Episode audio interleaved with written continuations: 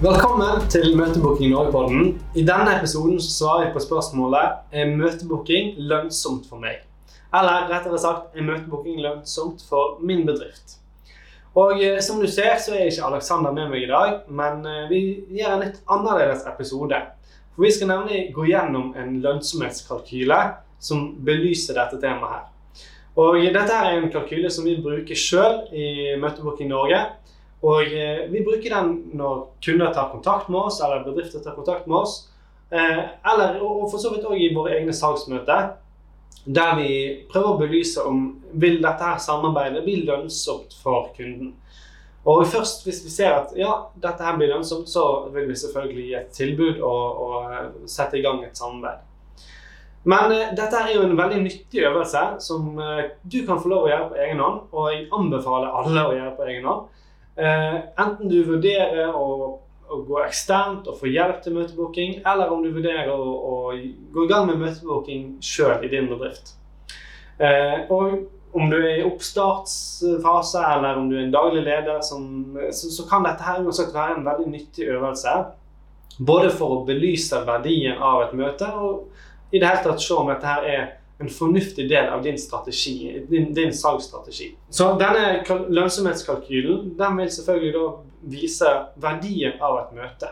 I tillegg så vil den vise hva som skal til for at uh, møtebooking skal være en fornuftig strategi for deg. Uh, hvis du f.eks. ser at møteverdien din er høy, så er jo det veldig bra, og da indikerer det at møtebooking kan være en veldig lur vei å gå. Men ser du samtidig at uh, du trenger et veldig stort antall eh, salgsprosesser og salgsmøter for å nå dine målsetninger når det kommer til eh, salgsbudsjett eller omsetningsmålet ditt, så bør du i hvert fall vurdere da, er dette her noe jeg har kapasitet til sjøl, eller trenger jeg hjelp på dette området for å nå disse målene. Og Da kan det være en eh, sterk indikator på at du kan eh, ha nytte av å gå eksternt og få hjelp til møtebooking. Men eh, vi skal ikke gå så dypt inn i materien nå. Eh, vi skal rett og slett gå til Excel-arket. Eh, og eh, da var det kanskje noen som fikk litt sånn panikken og tenkte at Excel det er, kan jeg ikke, eller det er kjedelig, eller et eller annet annet. Men bare slapp av. Du trenger ikke å være et Eh, Excel-geni. Vi har gjort det veldig enkelt å følge med på denne episoden. Eh, du får nemlig mulighet til å laste ned en eh, mal som gjør at du kan følge med på gjennomgangen. Og veldig enkelt plotte inn dine verdier, dine tall, og få ut svaret på andre enden. Så måten du blir med på denne episoden det er rett og slett ved å gå på inn, inn, på vår nettside. Hvis du ser denne episoden på YouTube, så finner du en link i beskrivelsen her nede. Og hvis du hører på episoden eh, på, i din podkast-app, så bør du gå til møtebookingnorge.no.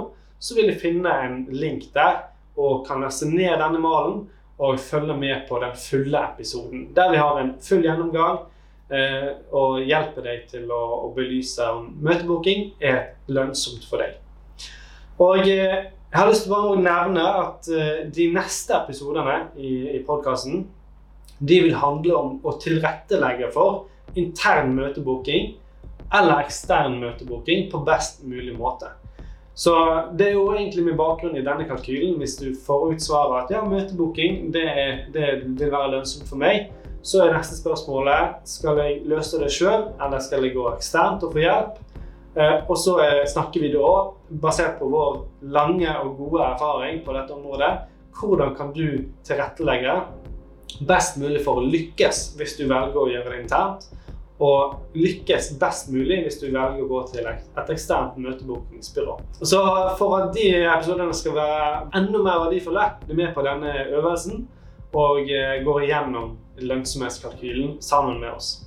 Så bli med meg inn på kontoret, så ser vi på, på det i Excel-arket. Og til alle andre så eh, ses vi i neste episode.